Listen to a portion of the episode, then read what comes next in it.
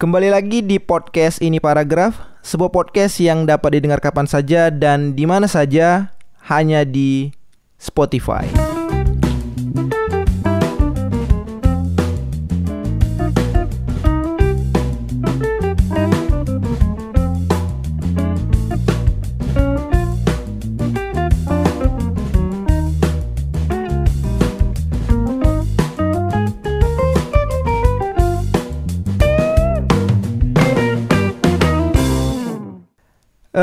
Teman-teman di podcast sederhana ini aku pengen bahas tentang uh, berbicara bersama manusia yang hidup gitu. Podcast ini uh, berdasar dari tulisan ini paragraf yang udah aku publis di blog ini paragraf beberapa waktu yang lalu.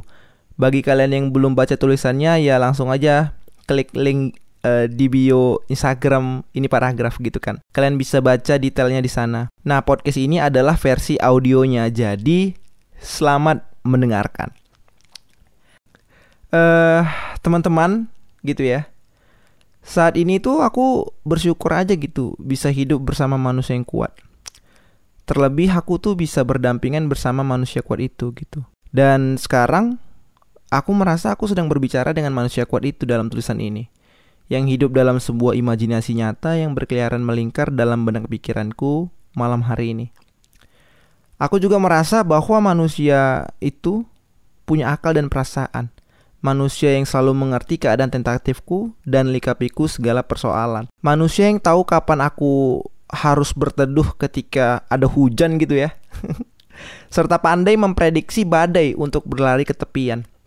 Maksudnya adalah ya ketika aku lagi diperhadapkan pada persoalan, dia pandai ngeprediksiin, dia ngerekomendasiin supaya aku harus apa uh, untuk menenangkan diri dan ya aku merasa spesial aja gitu akibat uh, manusia kuat itu. Uh, dan aku merasa uh, manusia itu selalu memahami dan mengerti manusia lainnya. Seperti dia memahami aku gitu. Dan yang yang yang aku tulis di tulisan ini adalah manusia itu adalah kamu yang sedang baca tulisan ini. Jadi uh, ini adalah secara umum gitu ya. Dan aku mau ngucapin terima kasih gitu. Makasih ya gitu uh, teman-teman udah hampir tiga minggu juga ya aku nggak uh, publish podcast, nggak publish video, nggak publish tulisan gitu. Uh, for your information juga bahwa belakangan waktu ini aku lagi sibuk magang gitu. Lalu juga aku lagi sibuk perbaikin atap rumah, bocor atap rumahku. Jadi aku harus bantu orang tua aku dulu kan. Lalu kemudian aku ada ngelakukan beberapa project juga sih. Dan ada hal baru yang aku lakukan belakangan waktu ini untuk mengejar cuanisasi guys. Nah, tapi e, kembali ke topik gitu ya. Di malam hari ini ya aku berharap tulisan ini paragraf yang mungkin kalian lagi baca sekarang sembari mendengarkan podcast ini semoga aja bisa menghampiri pikiran kalian semua gitu ya dalam sebuah imajinasi berbicara bersama manusia yang hidup. Oke, kita mulai uh, teman-temanku sekalian, my friend, menuju masa dewasa ini uh, kalau kita berpikir tentang kerangka fragmentasi komunikasi sosial gitu ya tentang bagaimana kita berbicara dan mendengar gitu. Aku tuh mengkategorikannya menjadi dua konteks gitu. Pertama adalah berbicara bersama manusia yang hidup dan kedua adalah berbicara bersama manusia yang mati gitu. Terlebih untuk mendengar. Aku di sini menegaskan bahwa hidup dan mati di sini jangan kalian analogikan sebagai suatu kondisi fisik gitu. Karena e, ketika kalian lontarkan dua diksi itu hidup dan mati, pasti kalian langsung terpikir e, ini adalah suatu material gitu, suatu kondisi fisik. Enggak. Maksud aku di sini adalah hidup dan mati di sini e, mari kita secara bersama gitu maknai sebagai suatu kata sifat. teman-teman, aku panggil kalian lagi. Belakangan waktu ini uh, aku tuh dibenturkan dengan berbagai macam persepsi gitu yang ada di berbagai pemberitaan media massa yang ada di Indonesia yang membuat pikiranku sedikit terdistraksi gitu. Mungkin kalian juga. Mulai dari uh, polisi tembak polisi, ya kan. Lalu kemudian uh, ada informasi terkait dengan pesulap merah gitu lawan dukun. Lalu juga ada masyarakat, mahasiswa, buruh, demo gitu uh, terkait dengan kenaikan BBM sedangkan DPR malah nyanyi happy birthday. Ya untung aja dia nggak nyanyi uh, to be born gitu kan. Ya uh, anehnya adalah uh, uh, dia dia dia dia tuh sebenarnya umur berapa gitu? Masih dirayakan hari ini tenet tetenet hari. Padahal dia udah tua kan Tapi ya kenapa gitu harus dirayakan? Mana dirayakan pas lagi ini lagi sidang gitu kan? Ya itu kan forum rakyat gitu. Uh, Forum itu sebenarnya berdasar dari uh, pajak rakyat gitu kan. Tapi di, di dimanfaatkan untuk hal-hal yang gak berguna bagiku. Gitu juga sih ya pada intinya kok kita jadi gibah gini ya? Ya pada intinya sih nggak make sense aja gitu dengan dengan dengan dengan apa yang apa aktivitas di DPR dan apa aktivitas di luar gitu. Seharusnya kan eh, DPR harus berkorelasi gitu dengan harapan masyarakat dan dia harus menyampaikan ke pemerintah. Ini malah uh, dewan kita pula yang selalu bertolak belakang dengan apa yang diharapkan oleh masyarakat. Adalah uh, teman-teman, sorry sorry. Kembali ke topik teman-teman, kembali ke topik ya. Oke. Okay. Uh, bagi aku itu nggak uh, penting gitu terkait dengan uh, ada internal DPR yang lagi ngerayakan ulang tahun gitu katanya sih ketuanya tapi nggak tahu juga lah mungkin security uh, terus juga ada pemberitaan terkait dengan uh, koruptor bebas gitu bebas bersyarat. Yang seharusnya 10 tahun malah diremisi remisi remisi akhirnya adalah hukumannya itu menjadi uh, singkat gitu durasi durasi tahanannya. Uh, semua itu se pada intinya adalah yang kayak aku bilang tadi sedikit mendistraksi otak aku gitu kan. Tapi pada tulisan kali ini dan podcast kali ini aku nggak akan bahas itu gitu ya. Di sini aku pengen bahas uh, berbicara bersama manusia yang hidup uh, di tulisannya aku gini aku tulis kayak gini Hey manusia yang baca tulisan ini makasih ya asik makasih sudah bercerita makasih sudah berkeluh kesah Makasih sudah menemaniku dalam berpersepsi.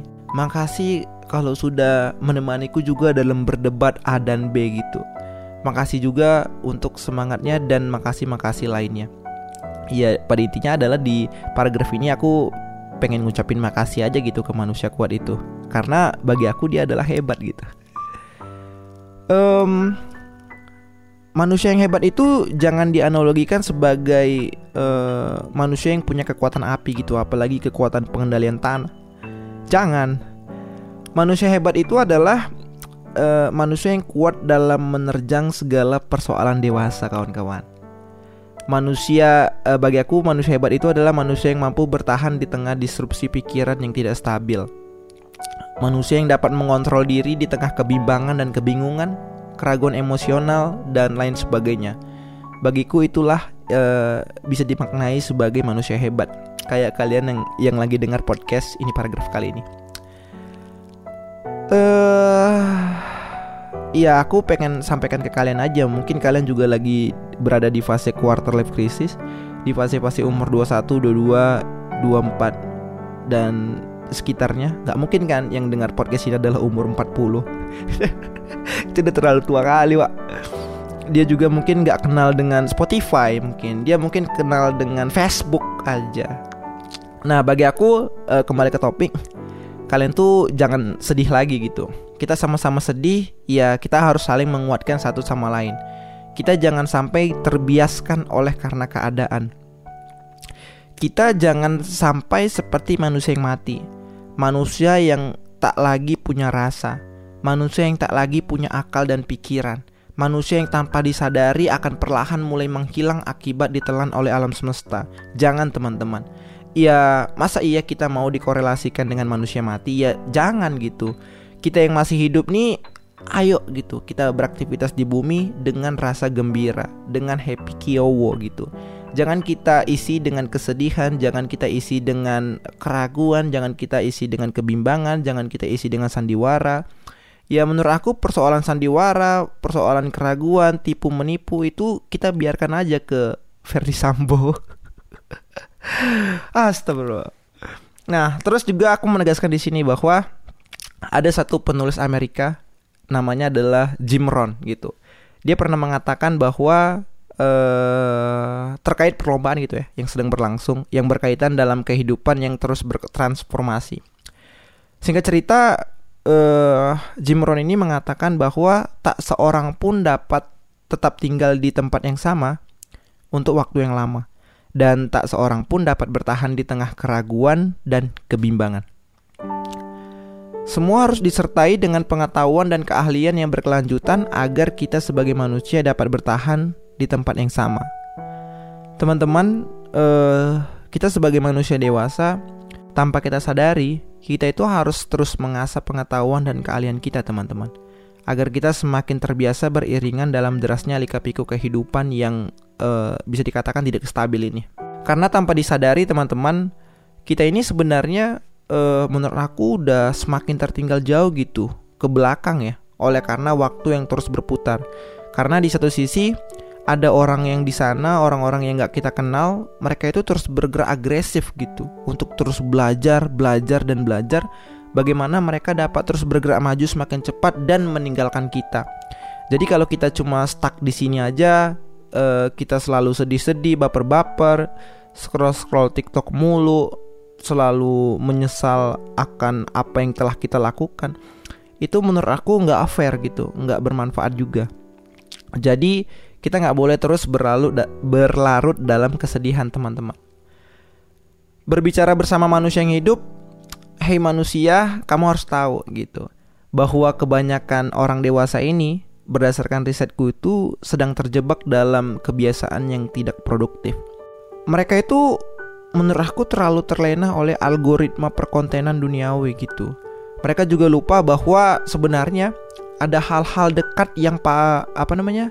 Uh, ada hal-hal dekat yang mendasar dengan diri kita gitu ya, yang harus sebenarnya kita pikirkan. Ada keluarga, ada pertemanan, ada tugas uh, aktivitas kita dan lain sebagainya. Itu hal-hal mendasar yang melekat dengan kita. Tetapi dikarenakan algoritma perkontenan duniawi itu membuat kita menjadi sirna terhadap aktivitas kita yang dekat ini.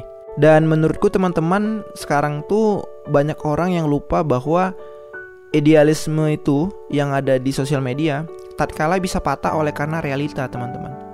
Maka dari itu aku berpikir mari kita menguatkan bersama Mari kita saling menguatkan gitu ya, terutama kamu yang sedang mendengarkan podcast ini dan lagi baca tulisan ini paragraf. Terus juga aku mengutip dari filsuf Yunani kuno gitu ya, Beviane Arture Wirasena.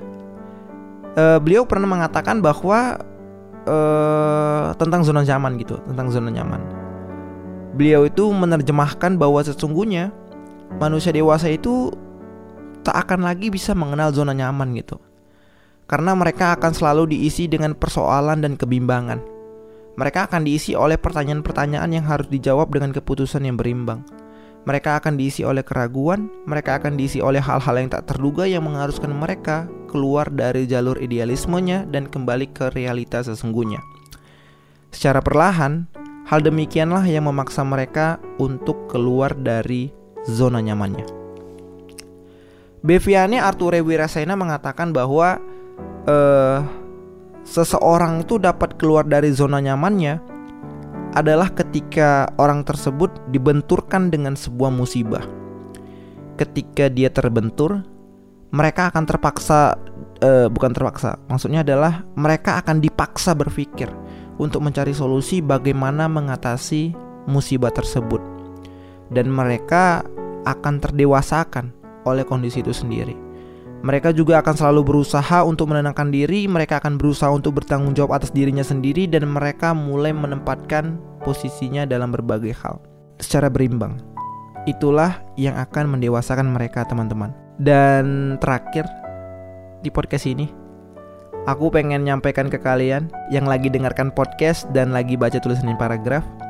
Aku mau katakan ke kalian bahwa kalian itu sebenarnya adalah manusia hebat kalian bukan UFO karena kok UFO sih? Kalian bukan uh, pesulap merah?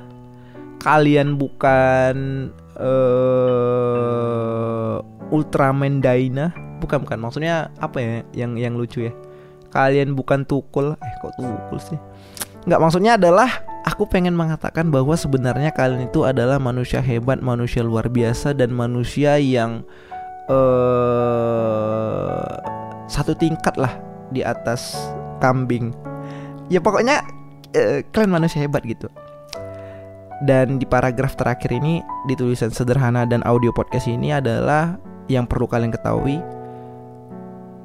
Uh, sekarang tentunya aku sedang berbicara bersama kalian uh, manusia hebat gitu ya.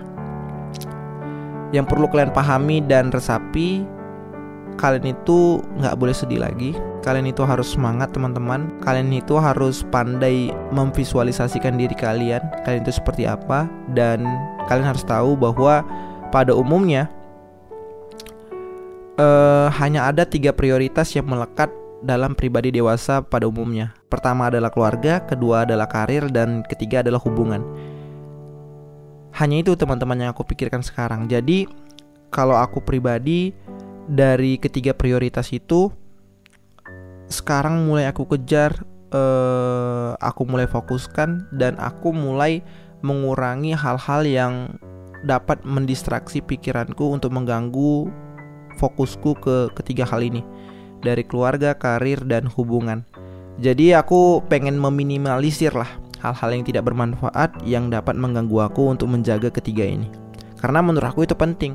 Di satu sisi kalau kita pikir keluarga, ada ayah, ibu, adik, abang kita kan yang mereka udah punya kesibukan masing-masing dan tanpa kita sadari orang tua kita semakin tua semakin menua gitu ya.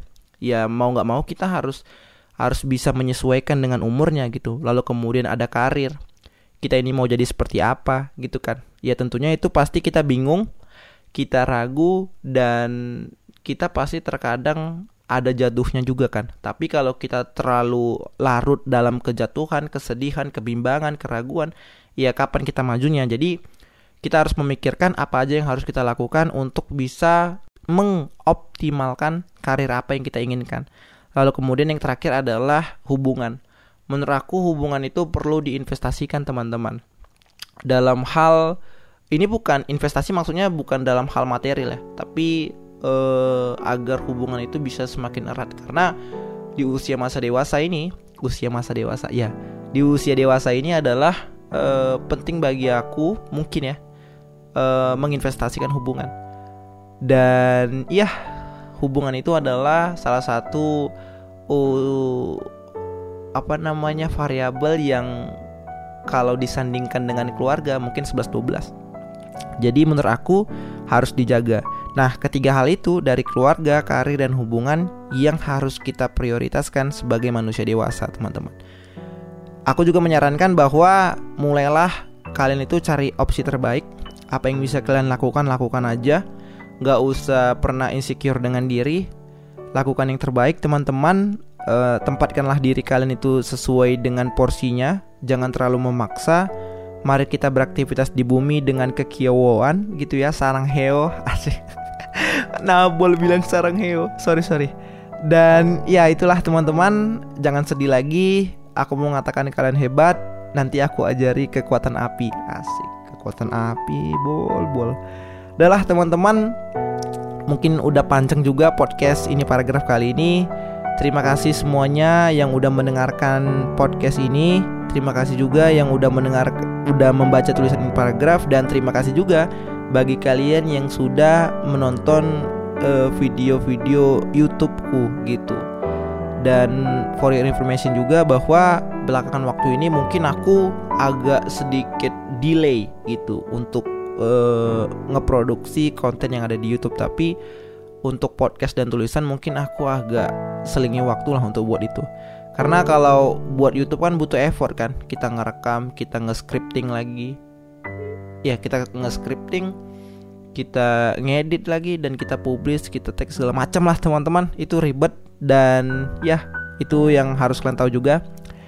Uh, terima kasih lah semuanya. Kalau kalian suka dengan karya-karya ini paragraf silahkan di subscribe gitu ya dalam artian kalian ikutin uh, media ini paragraf supaya kita sama-sama tumbuh bersama seperti pohon beringin yang katanya ada kuntilanak. Pesinabo ya aku pengen pantun lah sedikit buah naga buah delima tanpa disangka-sangka podcast ini sudah uh, selesai. Makasih semuanya. Sampai jumpa di podcast ini paragraf selanjutnya. I love you manusia. Bye bye. Hati-hati di jalan. Yoi. Dah. Makasih. Thank you guys.